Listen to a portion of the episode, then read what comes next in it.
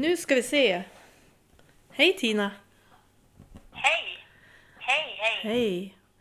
Eh, Jag sitter hemma i mitt kök i Vilhelmina. Det är små, det är lite grått och lite snö på marken och i morse var det sju grader kallt. Ja. Ja, vart är du någonstans? Jag är hemma i mitt kök just nu. Dels för att eh, vi skulle ta det här samtalet, men också för att ibland så jobbar jag hemifrån när jag har administra administrativa saker att göra. Och sen ska ju sotan komma mitt i allt också. Ja, just det, den där sotaren. Men vem Ja. är då Tina Larsson? Ja, ja jag är ju en eh, 33-årig tjej.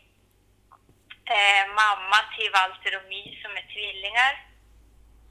Och eh, sen en herrans massa år tillbaka tillsammans med Simon som är min man. Eh, jag är ganska... Alltså, de brukar säga till mig i min familj och så att antingen så är Tina av eller så är hon på. Men för, för det mesta så är hon på. Och däremellan så kan det hända att hon måste vara av ibland för att orka vara på.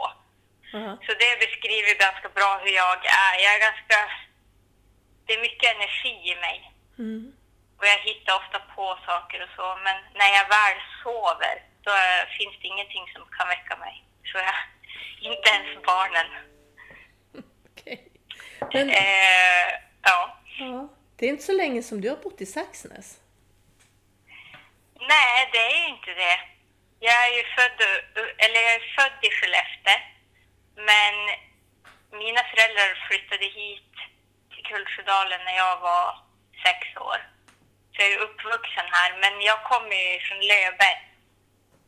Fyra kilometer söder om Klimpfjäll. Eh, så jag har ju gått hela min skoltid här i Saxnäs och så. Så det här, ja, det här är ju mitt hem.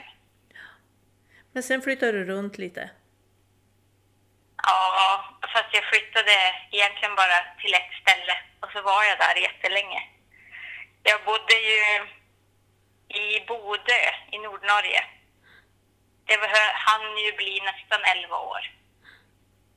Och då for vi till Bodö direkt efter att vi hade gått ut gymnasiet, jag och Simon.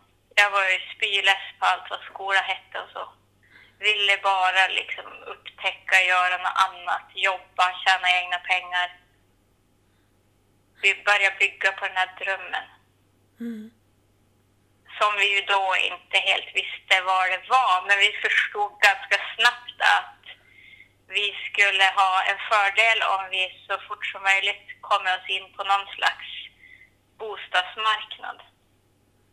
Alltså att om vi, om vi i tidig ålder kunde äga vårt eget boende.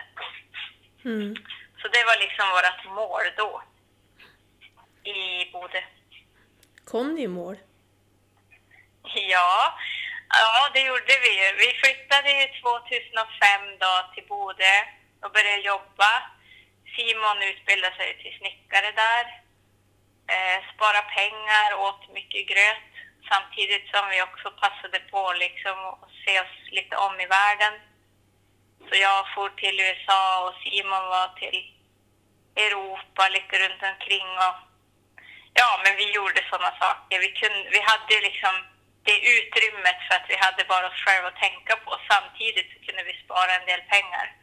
Så 2008 då så kunde vi köpa våran först, vårat första hus.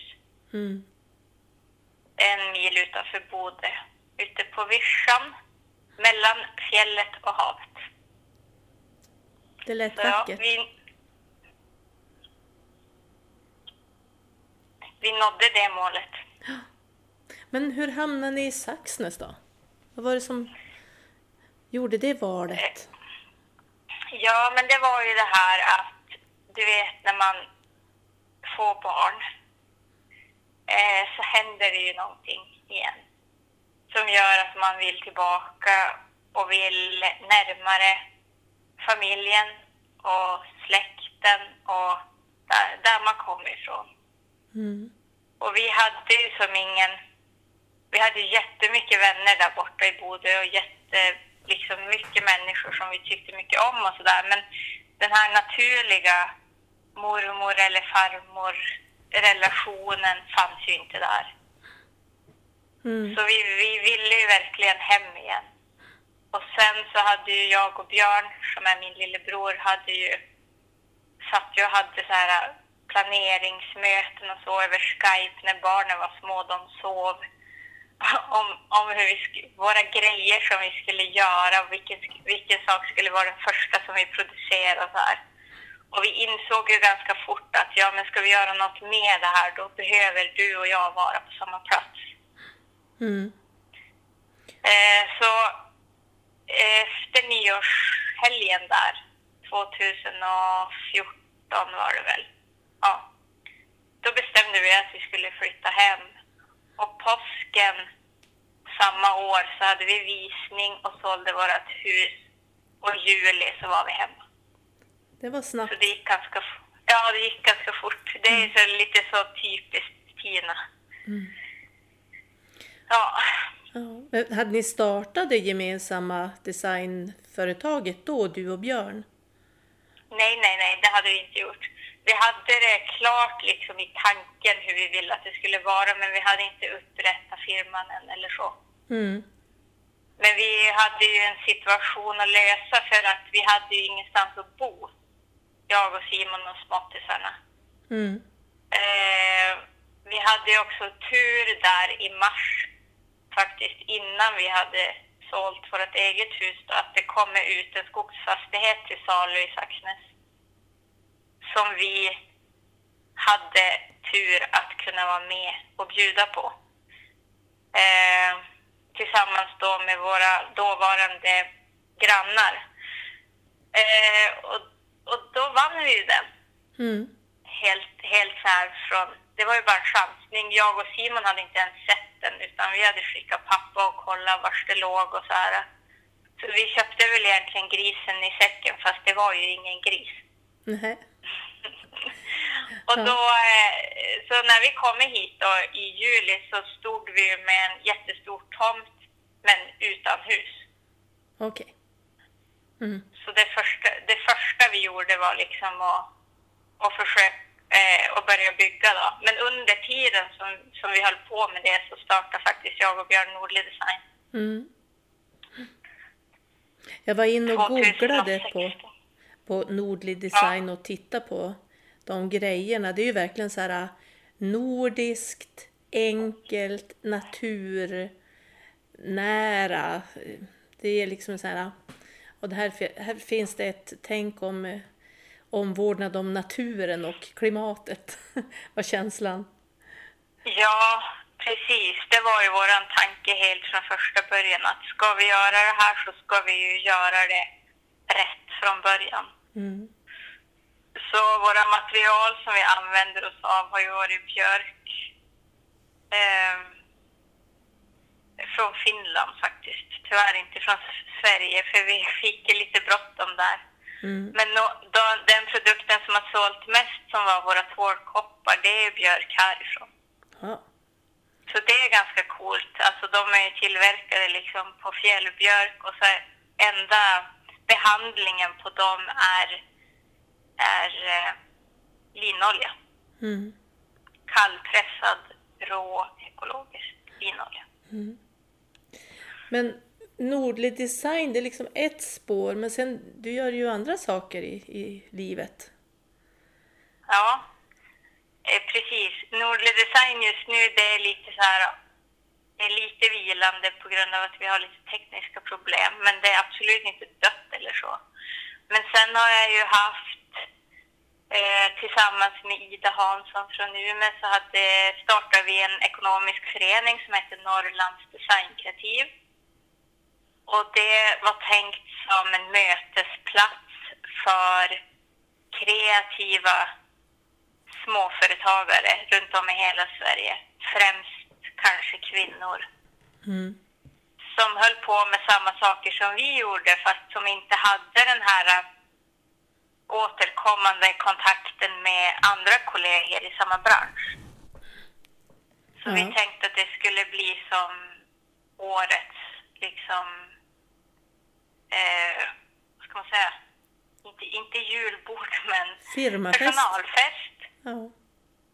Ja, fast med, med, ett tydligt, med ett tydligt budskap om att få lära sig någonting nytt, men också det att ta hand om sig själv.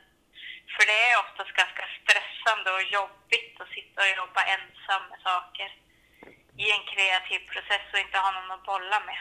Mm. För det var en sån träff i Saxnäs, på Saxnäsgården va?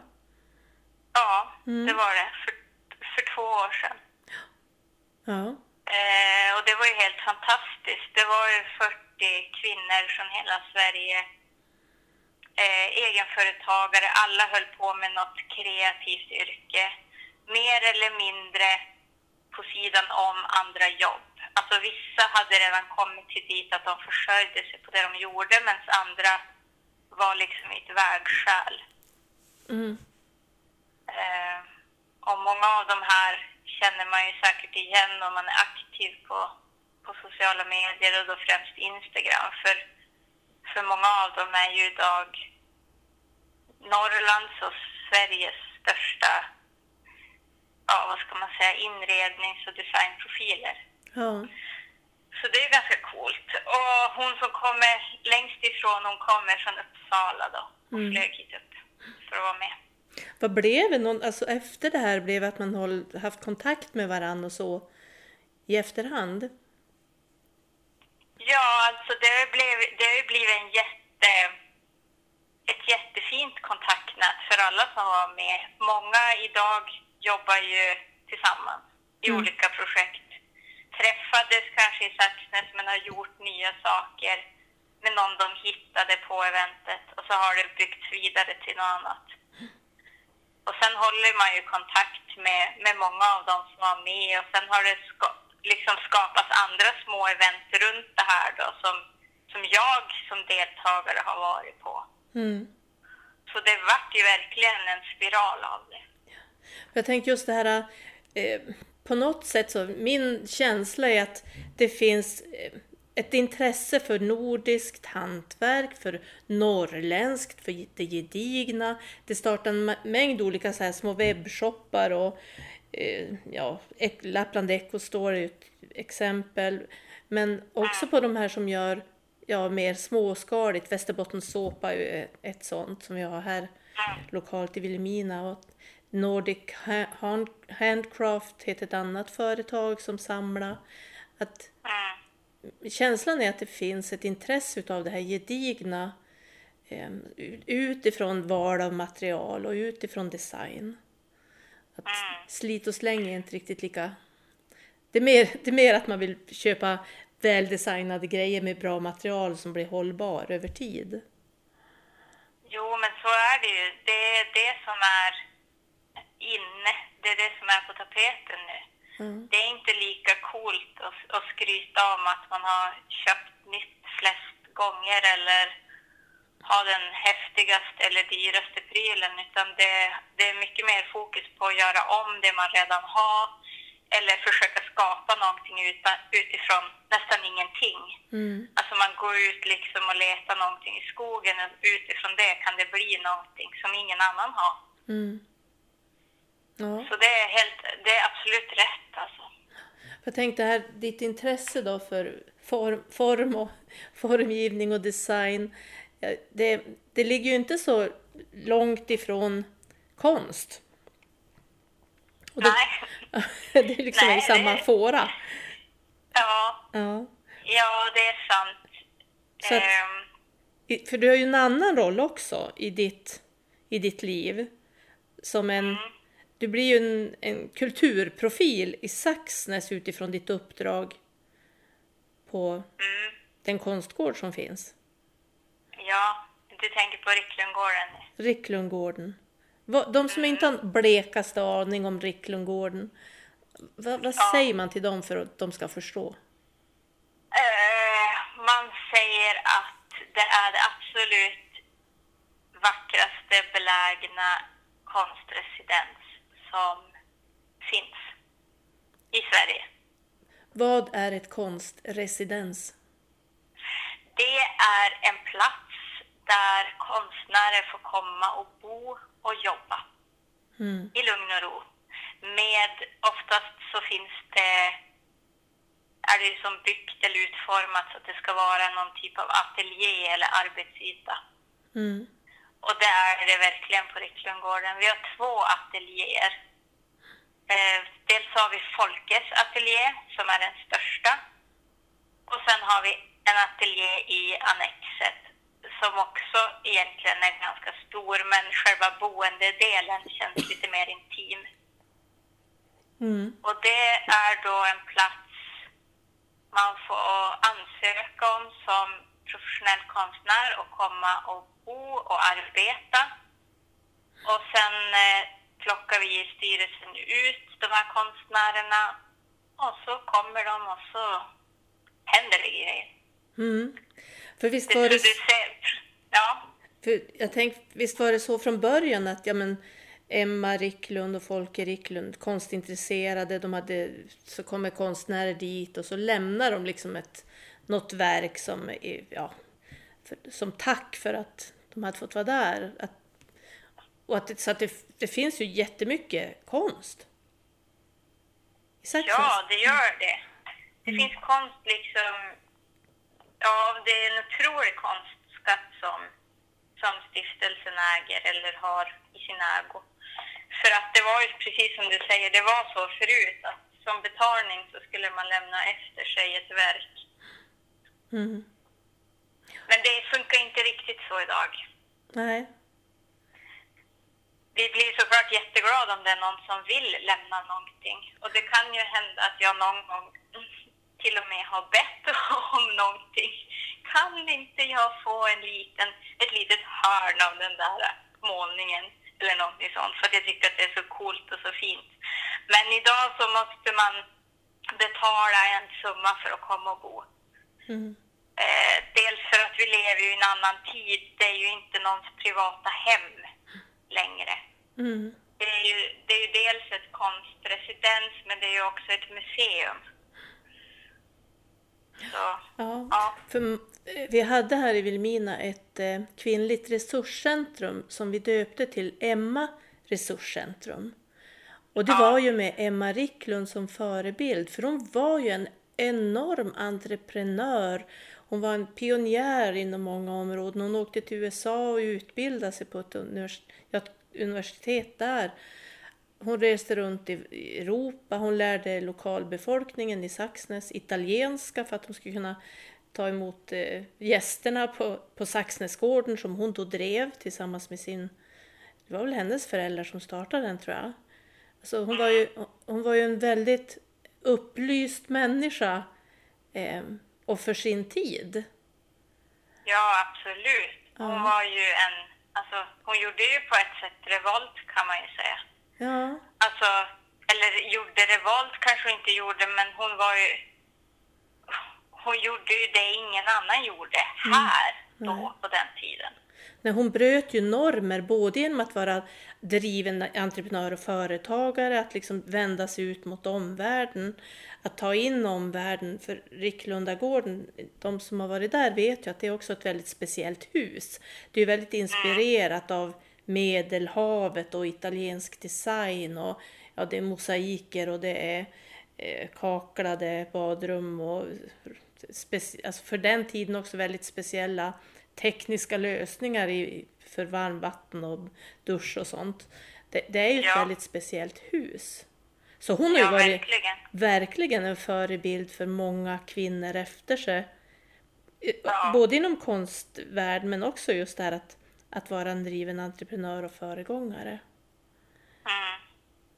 Och det är kul att du nämner det för att eh, jag, har ju, jag har ju som bara jobbat liksom i verksamheten sedan i maj. Mm. Och det var ju, det här var ju min första sommar när jag skulle köra guidningar och sånt själv. Och jag brukar ju säga till de som kommer att beroende på, på vem det är som, som guidar så kommer ni kanske att få höra olika historier. Mm. Och det är ju några stycken som har varit här förut och fått guidningar men så har de kommit tillbaka och så. Och jag brukar verkligen prata mycket om det här med historien om Emma och varför det överhuvudtaget är ett konstresidens idag. Mm. Det är ju på grund av henne. Mm. Men att dra fram det för att det är inte så många som vet om det. Nej, men det är väl också så det har varit genom tiden att det har varit, ja men Folke Ricklund var ju en han är ju också en väldigt känd konstnär, han är väl representerad på många stora konstsalonger, i, Ja. både i vårt eget land och i andra länder, Nationalmuseum och så. Eh, så att det är han som har stått där i, i strålglans på något sätt. Eh, och Emma, som kanske var den som var den drivande parten i det här just utvecklingen och, och tankar på framtiden. Hon, hon syntes inte, men det var, ju, det var ju också så på den tiden, så därför är det ju så viktigt att vi, att vi lyft fram det idag. Just de här Ja. starka kvinnorna som har verkligen påverkat utvecklingen av både ja, men Saxnäs med Vilhelminafjällen, eh, och samarbete med Svenska turistföreningen som eh, hon, hon drev. Det, ja, det, det har nog betytt mer än vad man kan tro, just att det fanns de här drivande, att hon fanns som en drivande kvinna då i Saxnäs.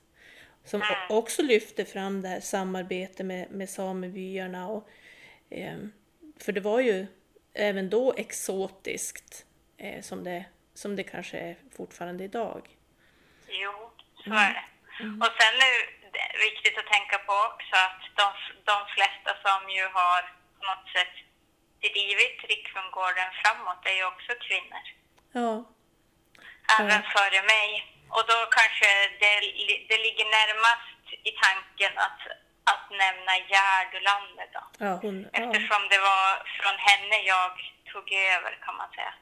Mm, Hon har ju varit på Rikslundgården i ja, men jättelänge och jobbat jättehårt och jättemycket för att, för att eh, försäkra sig om att konstnärerna ska ha den här fristaden att arbeta på. mm. För Gerd är ju också en, en, hon är också en sån föregångare, både inom musiken och hennes intresse för konsten och ja, kultur, kulturella värden. Hon har ju också varit oerhört viktig. jo, absolut. Och hon är ju också som, alltså hon är ju verkligen en profil i sig själv. Det är ju många som förknippar Rikslundgården med Gerd Olander. Så det är, inte, det är inte små skor att fylla. Nej, det är klart. Men nu har du ju de där skorna på dig som och ansvarar för Ricklundgården. Va, hur hur ser du framåt? Alltså, den här podden handlar ju om att liksom lyfta in landet och visa på fler perspektiv. Att, eh, att, att ska, liksom få fler att förstå bilden av eh, Norrlands inland och Västerbottens inland. Att den är, det finns enorma möjligheter och, och utvecklingspotential och olika drömmar, olika tankar, olika riktningar. Och det här är ju en sån riktning.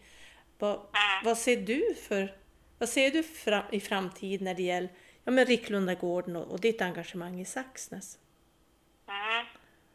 Jag har ju en sån här visionsbild tillsammans med övriga styrelseledamöter då, som jag knappt nog någon gång nästan har sagt högt eftersom vi inte riktigt är klara med det arbetet. Men vi vill ju att Ricklundgården ska bli eh, Europas bästa konstresidens. Och när man säger det så har man ju redan där satt ett ganska tufft mål. Alltså det finns ju en del residens i Sverige, det finns väldigt många om du ska se runt i Europa. Men, men efter de, eh, efter de, vad ska man säga, kommentarerna och tankarna som vi får av konstnärerna som har varit här och jobbat så tror vi ändå att det inte är ett mål som inte går att uppnå. Vi får otroligt bra kritik eller omdöme och vår allra, allra, allra största liksom, styrka det är ju att det är beläget i Saxnäs, uppe på den där kullen med vatten och fjäll mot båda hållen.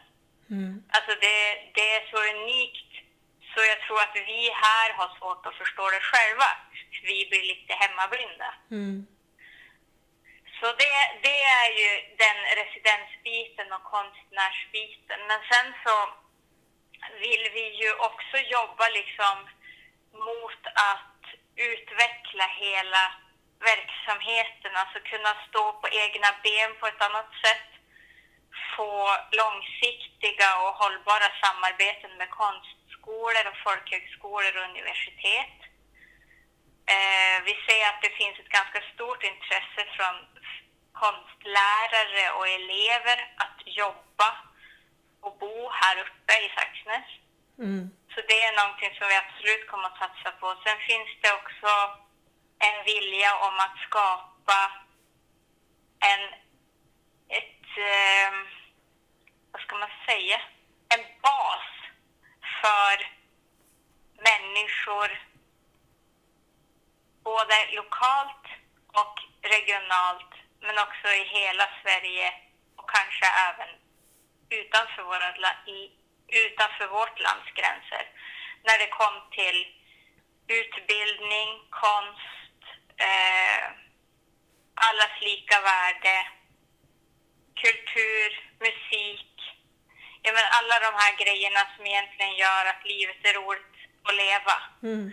Alltså det, det ska inte vara något betungande att komma till Ricklundgården utan det ska, det ska vara ett ställe där du kan fylla på dina batterier.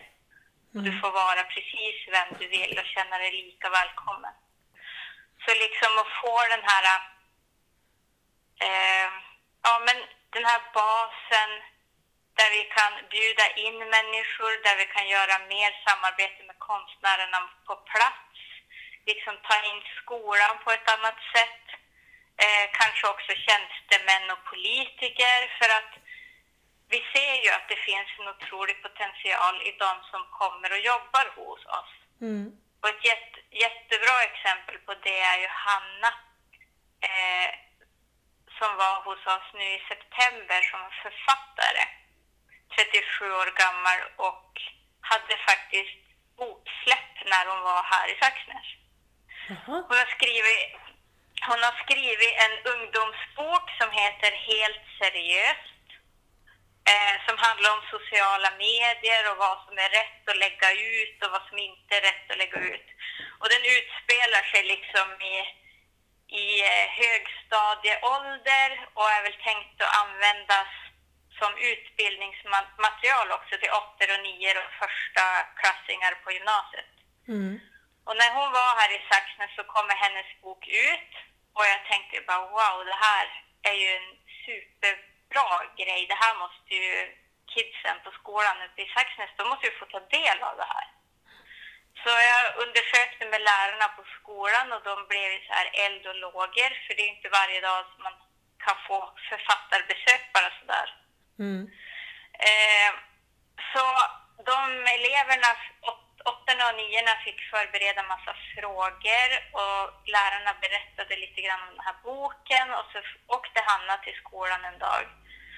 Och så var det en jättebra förmiddag med samtal och hon läste lite ur boken och de fick ställa frågor och sådär.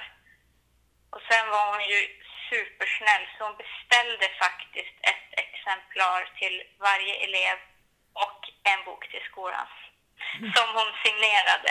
Ja, det är klart det var en upplevelse Ja. för barnen. Och också skapat Ja. intresse både, jag tänker också det, både för att naturligtvis läsa men jag tänker också för att in, se att ja, man kan faktiskt skriva en bok. Precis. Alltså det, det är säkert någon, någon gång som har drömt om kanske någonting annat än, än det som finns här Mm. och jobba med. Och få se att man kan göra det. Och det betyder inte att du behöver nödvändigtvis åka härifrån för att kunna bli författare. Men bara det att se en, en relativt ung tjej då, som har skrivit en bok och hållit på med sin andra bok och att det går. Ja, kul. Så det är ett fint exempel på vad vi vill att Ricklundgården ska jobba mer med och fungera mer som. Att det kanske är fler nischer inom kulturen, att det inte är bara konst utan det är även kanske litteratur och annat, annan skapande. Ja. Men jag tänker, alltså det, är det någonting som du känner att ja, men det, här är, det, här är, det här är lite trögt, det här skulle vi behöva förändra? Va? Jag tänker, är det någonting som politiken skulle behöva driva på åt något håll eller någonting som, som skulle behövas? För att det skulle gå Eh. lättare? Vet du vad, nu ska jag kanske vara lite så här äh, tvärs emot. Jag vet inte vad dina gäster brukar svara, men jag har fått, jag har fått så grymt bra stöd och hjälp. Ja, från dels Vilhelmina kommun, men också från olika politiker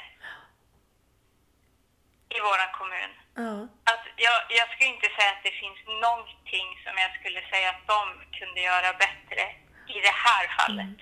Därför jag tänkt jag var- målsättningen är ju så, alltså bli Europas bästa konst, alltså residens är ju, den är ju stor. Mm. Och det, det är klart att det är många steg på vägen. Mm. Ja, Men, men bara det här, alltså, måste jag också få säga, för det kan, ju, det kan ju också vara en sån sak som många läser liksom på VK tyckt till eller hör ute på byn eller på samhället om alla de här politikerna som, som bestämmer saker eller inte bestämmer saker eller säger något till varann eller inte säger något till varann. mm. Men jag har uppfattat, uppfattat den miljön som väldigt välmående och trevlig. I alla fall i bemötande med mig, jag, Tina, som person. Mm. Eh, och det är liksom, det är oberoende av, av vilket parti jag pratar om. Mm. Det är härligt, det är så det ska vara. Ja, och det, det uppskattar jag jättemycket och jag tycker att det är skitkul då. Mm. Men sen kanske jag på, på ett sätt också är lite grann som, som en man ibland. Jag vet inte. Jag försöker i alla fall lära mig att bli mer som en gås. Att det mesta bara kan så här rinna av som jag inte själv vill ska stanna. Men jag tror att jag också väljer att se de positiva sakerna och den hjälpen jag faktiskt får. Mm. Mm. Så Alltså- rent politiskt, nej, jag, jag tycker att de har varit superengagerade och väldigt peppande när det kommer till utvecklingen av Ricklundgården. Bra. Alltså, är det någonting som vi har glömt att prata om? Jo, en sak. Eh, Mm.